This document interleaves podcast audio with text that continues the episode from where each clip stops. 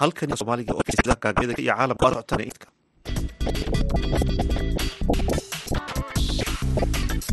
duhur wanaagsan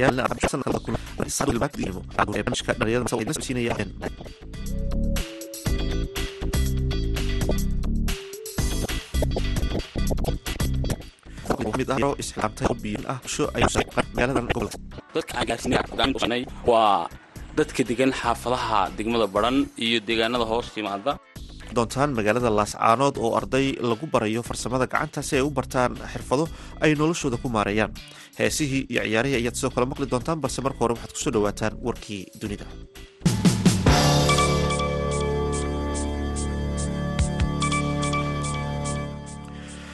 madaxweynihii sri lanka gotabaya rajabaksa ayaa diyaarad militari uga soo baxsaday dalkaasi iyadoo oo ay socdaan dibadbaxyo ballaaran oo looga soo horjeedo dhibaatada dhaqaale ee wadankaasi ka jirta. Ciidamada cirka ee sri lanka ayaa xaqiijiyey in madaxweynuhu uu u safray jasiiradda maldiv isaga iyo xaaskiisa iyo laba sarkaal oo dhanka ammaanka ah ra'iisul wasaaraha sri lanka ayaa ku dhawaaqay xaalad deg deg ah oo dalka oo dhan ah iyo bandow lagu soo rogayo gobolka galbeedka. Sida uu sheegay afhayeen u hadlay xafiiska ra'iisul wasaaraha sri lanka. Madaxweynaha sri lanka ee baxsaday iyo xubnihiisa la socday ayaa abbaaro saddexdii subaxnimo saacadda dalka sri lanka gaaray jasiiradda maldiv baxsashada madaxweyne rajabaksa ayaa soo gabagabeyneysa tobanaan sano oo ay qoyskiisu ka talinayeen dalka sri lanka madaxweynaha ayaa dhuumasho ku jiray kadib markii sabtidii ay dad badan galeen hoygiisa waxaana uu ballan qaaday inuu xilka iska casili doono arbacada maanta ah. Walaalkii oo ahaa wasiirka hore ee maaliyadda basil rajabakska ayaa isaguna ka tegay sri lanka waxaana la sheegay inuu ku soo wajahan yahay dalkan maraykanka qaramada midoobey ayaa sheegtay in ugu yaraan labaatan qof lagu dilay tobanaan kalena lagu afduubtay weeraro ka dhacay jamhuuriyadda dimuqraadiga ee congo dadka dhintay waxaa ku jira carruur iyo ugu yaraan afar qof oo bukaan ah kuwaasi oo nolosha lagu gubay iyaga oo ku sugan xarun caafimaad oo ku taala gobolka waqooyiga kivu halkaasi oo uu ka socdo dagaal ba'an oo ka dhan ah fallaagada. Weeraradan ayaa bilowday toddobaadkii hore ayaa waxaa lagu eedeeyey ee dagaalyahano ka tirsan jabhadda dimuqraadiga ah ee taabacsan kooxda daacish taas oo maraykanku sannadkii hore uu ku daray liiska kooxaha argagixisada. ah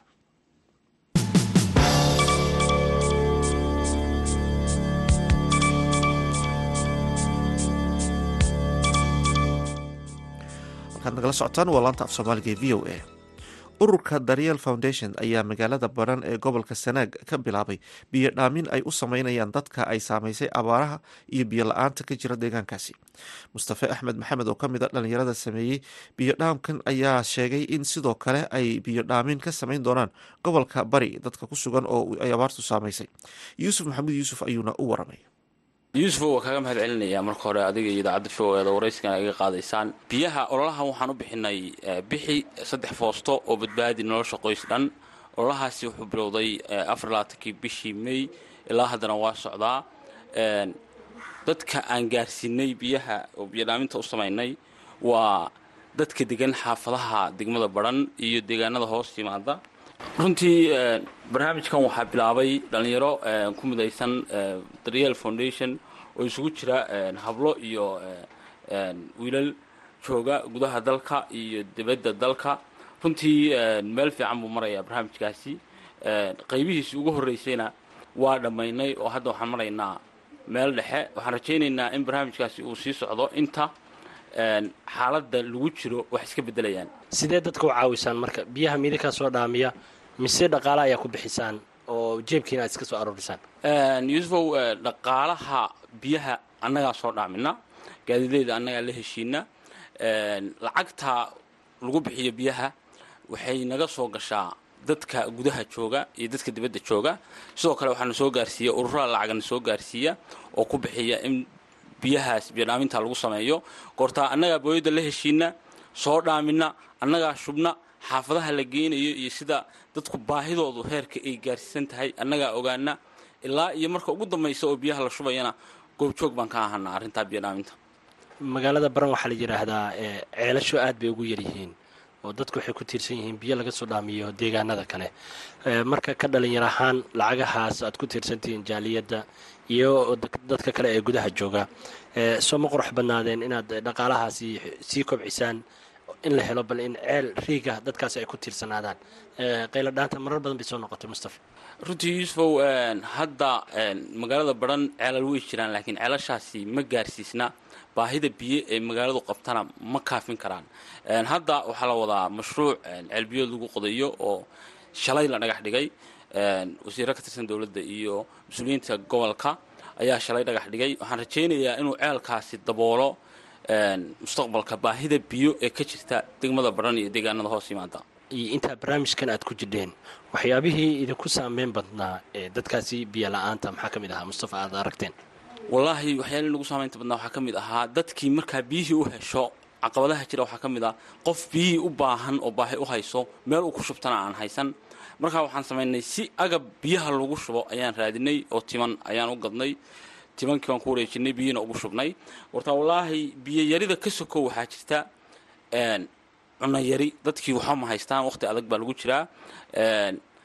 Marxaladda hadda abaarta dalkao dhan bay abaartu ka jirtaa laakiin meelaha waxaan dhihi karaa puntland oo kale meelaha ugu liita oo biyoyarida iyo cunno yaridu ka jirto waa gobolka sanaag gaar ahaan degmada baran oo aan annagu hadda ka shaqayno oo aan dee xogteeda rasmiga ahayno way waxaan rabaa inaan ku weydiiyo marka arrinta biyo dhaaminta iyo dadkan loo gargaarayo meelo kale ayaa abaartu saamaysay. Qorshihiina ma idinku jiraa bal inaad u leexataan deegaanada kale oo ka mid ah bari oo kale.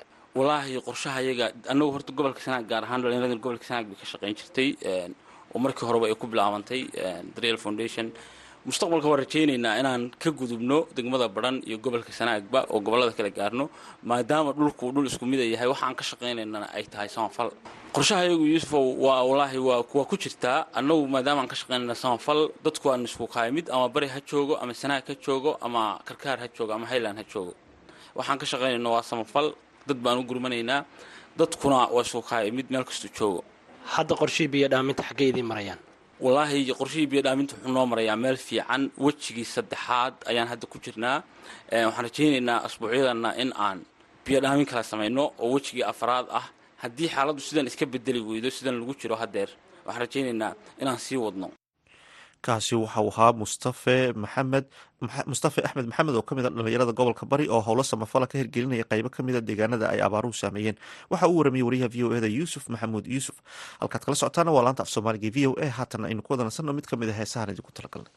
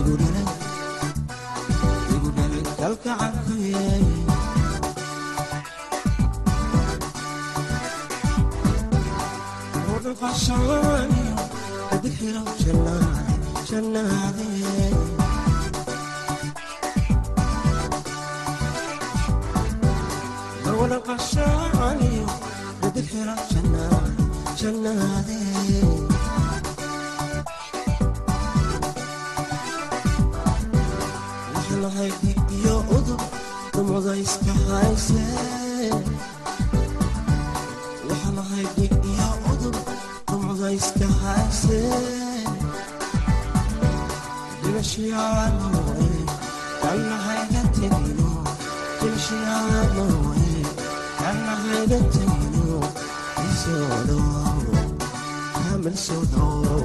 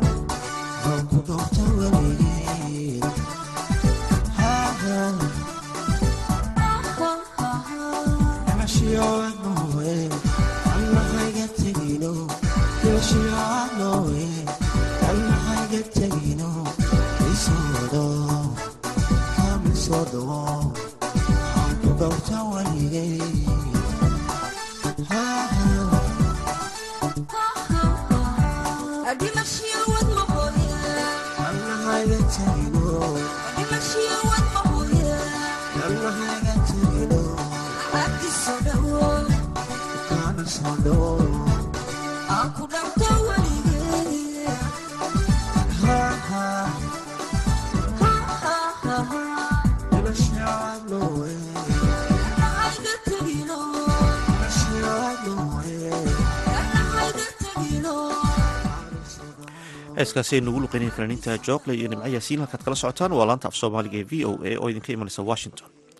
Ardayda jaamacadaha ee magaalada laascaanood ayaa fursado waxbarasho farsamada gacanta ah u sameeyey arday ka hadhay waxbarashadii asaasiga ahayd ee dugsiyada. Ardaydan waxaa la barayaa dhinaca dabgelinta guryaha iyo agabka korontada. Cabdikariim olol ayaa warbixintan ka soo diray laascaanood dhalinyarada jaamacadaha soo dhameeyey ayaa isku dayaya sidii dhalinyarada xirfad loogu abuuri lahay noloshooda ku mareeyaan. Dhalinyaro badan ayaa jiro iyagu goobaha waxbarashada ka hadhay kuwaasoo aan dugsiyada hoose dhexe iyo kuwa sare aan dhigan balse doonaya waxa ay noloshooda ku mareeyaan qoysaskoodana ay ku taageeraan si ay u baran lahaayeen. Qaar ka mida dhalinyarada jaamacadaha ka soo dhameeya wadanka dibadiisa ayaa magaalada laascaanood ka hirgeliyey goob ay ugu talagaleen in dhalinyaradu ay ku bartaan xirfadaha ay ka mid yihiin nijaarada iyo dab mid ka mid a ardayda bal magacaagadoo ku bilaabaya ka waran xirfadaad halkan ka barato iyo waxyaabaha digato bismillahi raxmaan raxiim magacaygu waa cabdifatax muuse yuusuf. Halkan dee horta waxaan u nimi inaanu in badan aanu fursadaan in badan doonanay oo ah inaanu xirfad xirfad yeelanno. Waxaan u nimi halkan inaanu wax ka barano oo marka halkan waxaan ka bartaa anigu farsamada loo yaqaano nijaaradda oo isugu jirta dhismihii iyo faaraddii hadeer ilaahay mahaddii in badanna waan soo wadnay muddo sideed bilood ku dhow. Waxaan awood u leenahay maanta inaanu ku shaqaysanno oo aan naftayadana ku taageer naftayadayana ku maarayno ehelkayagana ku taageerno. Marka waxaan aada ugu mahad celinaya marka hore ilaahay mar labaad marka saddexaadba waxaan kaloo mahad celinayaa maamulka iskuulka macalimiinta iyada sharafta leh ee wakhtiga nagu soo bixiyey aad bay u mahadsan yihiin boqolkiiba boqol. Waxaan kaloo u mahad celinayaa saxaafadda maanta na wareysanaysa. Marka hore waxbarasho toosa maad gelin markii hore adigu waxbarasho toosa maan gelin anigoo yar adigu anigoo dugsiga hoose aan ka bixin baan ka tegey. Kadibna adigu hadeertaan waxaan ku soo aan markaan dee noqday aanan maanta aanan isgool soo bilaabi karinba hadeerta waxaan ku hamiyey inaan xirfadle noqdo. Maxaad is leedahay noloshaada u ka bedeli karaysaa inaad xirfad barato oo noloshaada aad ku maaraysid oo kale bal iiga sheekee waxaan dee aad baan horta dee farsamadu wax sahlan maaha waxyaaba dhulka dhulka waxaa dalka waxa qurxiya farsamo yaqaan dhulka dhulkaloo meel kastoo qurux badan aad aragtid waxaa qurxiyay farsamo yaqaan marka aad iyo aad baan ugu faraxsanahay inaan aad iyo aad bay ugu rajawan in wax weyn ka bedelo nolosheeda xagadoo ku bilaabaya bal iga waran halkan waxyaaba aad ka dhigato. Bismillahi raxmaan raxiim waa muwaari xan axmed. Waxaan dhigtaa dugsiga handhis ee farsamada gacanta lasaanood waxaan ahay arday arday waxaa soo dhiganayay toddoba bilood baan soo dhiganayay bishii ugu dambeysay waxaan ku jiraa sideedaad wax badanoo markii hore aan garanayn oo meesha ladeer baan ka faa'iiday oo aan garanayn ka mid farsamada gacanta. Oo markii hore aan garanayn oo waxay tahay baan garanayn oo haddana ku shaqaysan karo dadkan ugu shaqay karo anna dee nafteydaan ku maaray karo. Qadar sideedda bilood bishii sideed baan ku jirnaa hadda imtixaanka ma bilaabay marka hore waxbarasho iskuul hoose dhexe waxbarasho maad bilaabin kale? May waxba waxbarasho marka hore ma bilaabin. Anoo yar bay ugu dambeysay waxbarasho. Haa.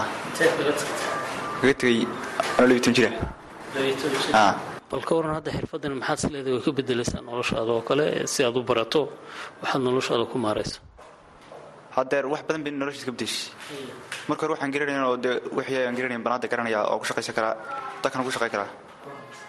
Marka wax badan bay noloshiis ka bedeshay deed labaatan wey maalintii kugu horreysay hadda farqiga kuu dhexeeya bal iiga sheeke farqi badan baa u dhexeeya. Maalintii aan mid iyo maanta. Maanta wax badan baan garanaya maalinta hore garanayn cabdiqani axmed jaamac waxa uu ka mid yahay aqoon-yahanada jaamacadaha ku soo dhameeya deegaanada kala duwan. Waxa uu sheegay cabdiqani inuu halkan u hirgeliyey siduu dhallinyarada u bari lahaa xirfad kala duwan ay noloshooda ku maareeyaan. Dhallinyaro badan ayaa jirto oo iyagu ka dhacay waxbarashada dugsiyada hoose dhexe aan dhiganin da-da waxbarashadana dhaafay. Haddaba cabdiqani ayaa sharaxaad ka bixinaya ardaydan uu gacanta ku hayo bismillahi raxmaan raxiim magacaygu waa saa sheegtay cabdiqani axmed jaamac halkan aan joogno maanta aan idinku soo dhaweynayna waxaa weeye iskuulka farsamada gacanta handhis ujeedkan iskuulkan u asaasanay wuxuu ka mid ahaa inaanu magaranaysa u faa'iideyno dhallinyarada shaqalaantu hayso. Sidoo kale qofku waxaa laga yaabaa isagoo shaqadii heli kara. Haddana inay caqabad ku noqoto qofkii inuu bilaa xirfad yahay oo ay shaqadii ka hortaagantahay xirfadlaan. Marka isagoo shaqadii heli kara baa laga yaabaa xirfadii xirfad inuu yahay markaasuu ismoodaya inuusan wax shaqaa magaalada ka jirin. Marka qodobka koowaad ee dhallinyarada inta badan xoogga ku saarna waxa weeye inay horta xirfad yeeshaan intayna shaqo raadin. Kadib inay jaaniska iska heli doonaan. Qodobka labaad ee aanu iskuulka u asaasanay wuxuu ahaa dadka waxbarashada ka hadhay inaan iyagana uga faa'iideyno ama haddii iskuul meel dhexa kaga tegay amuusan waxbaha horey u soo baranba inaan jaaniska uu magaranaysa noloshiisa horey ugu wadan lahaa qofkiisa usan magaranaysa gaabka nolosha usan meelaha kale usan magaranaysa meelo meel wanaagsan oo nolosha ka mid usan u gelin inuu meel wanaagsan nolosha ka soo galo oo xirfad yeesho oo aqoon yeesho. Taasaa nagu sababtay inuu iskuulkani saa ku furmo. Hadda sannadkii labaad baan ku jirnaa sii gelinaa. Dufcaddii koowaad baa hadda maanta aan u fadhinayo halkan joogto oo qalin waxaan aad ugu faraxsanahay hadafyadan ka lahayn markii hore noo muuqday humaagaha inay hadda maanta midhaheedii aanu magaranaysa aanu aragno. oo ardadii qaybaha kala duwan ee korontada iyo nijaaradda iyo qaybta kale dhismaha. Saddexdaa qaybood baan horta saldhig uga dhignay aasaaskooda maadaama aad ka mid tahay jaamiciyiinta dalka dib ugu soo noqday deegaanka waxyaabaha adiga kaaga dhigan tahay in dhallinyaradan oo kale la gacan qabto maxay tahay wallaahi waad dareemi kartaa qof dhallinyaro ah oo waxbarashadii magaranaysa ka tegey sidoo kale qof magaranaysa aan waxba horey u baran nolosha meeshuu ka joogo. Marka waad dareemi kartaa shucuurta aad qof aad waxbartay oo aad meel gaadhsiisay dareenka iyo magaranaysa waxa ka soo laabanaya waad dareemi kartaa inaad noloshiisa qayb ka mid ah inaad dhagaxii magaranaysa gurigu wuxuu ka kooban yahay in la dhiso buluketiya dhagax ama jaajuur waxaa loo yaqaan ka kooban marka waxaan su aaminsanahay anugu ka dhallinyar ahaan hadafkii aan wax u baranayay inuu ahaa inaan dhallinyarada dhiso oo magaranaysa mustaqbalkooda aan qayb ka noqdo. Cabdikariin nolol v o a magaalada laascaanood. Halkaad weli nagala socotaana waa laanta af soomaaliga v o a haatanna dhegeystayaal ku soo dhawaada xubinta ciyaaraha waxaana la socodsiinaya maxamuud mascade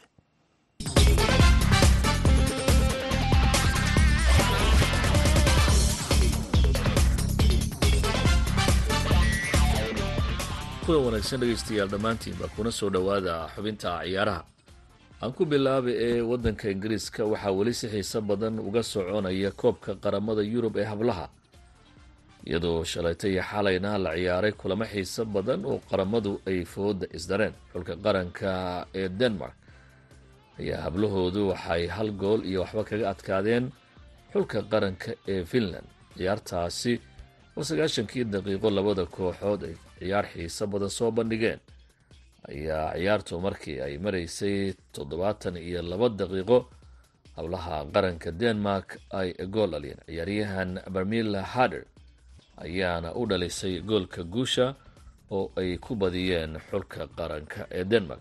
Saddex dhibcood ayay halkaasi ka qaateen waana saddexdii dhibcood ee ugu horreysay ee ay ka heleen ciyaaraha qaramada yurub xulka qaranka ee jarmalka oo la ciyaarayay xulka qaranka ee hablaha waddanka sbain ayaana ciyaartii dhex martay waxa ay sagaashankii daqiiqo ku soo gabagabowday laba gool iyo waxba. Gabdhaha jarmalka ayaa waxa ay la yimaadeen laba gool qeybtii hore ee ciyaarta. Gabadha la yidhaahdo clara paul ayaana goolka koowaad u saxiixday. Xulka qaranka ee jarmalka ciyaartu markii ay maraysay saddex daqiiqo oo keliya taasi oo ay ka soo kabsan waayeen gabdhaha sbain waxaana ciyaartu markay maraysay soddon iyo toddoba daqiiqo alexander pope ay goolka labaad u dhalisay gabdhaha jarmalka. Sidaasina saddex dhibcood ayaa sbain laga qaatay.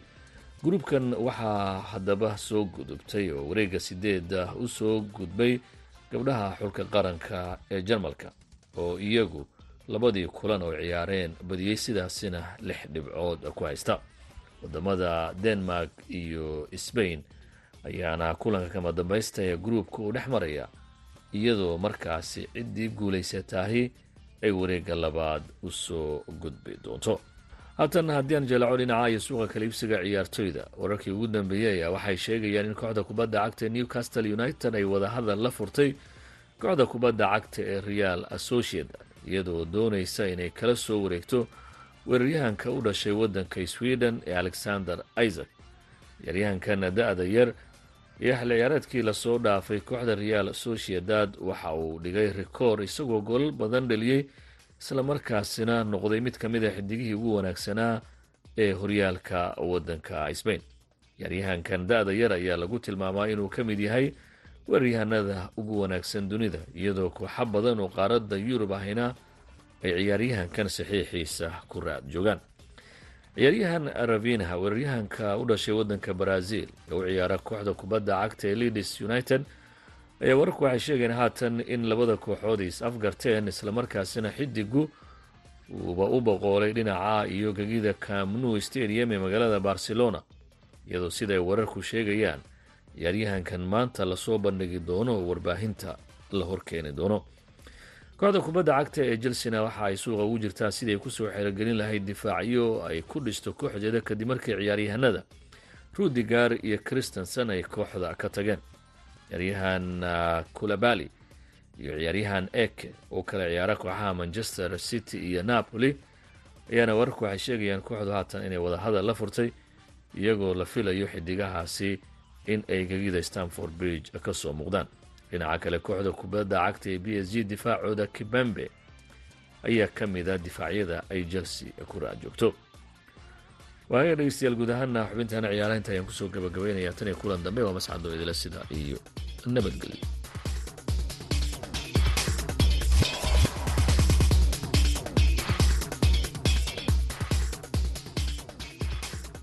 aad ayuu mahadsan yahay. Maxamuud mascade oo nala socodsiinaya xubintaasi ciyaaraha. Halkaad kala socoteenna waa laanta af soomaaliga ee v o a. Haatan waxaad ku soo dhawaataan. Mid ka mid a heesiyahan idinku talagalnay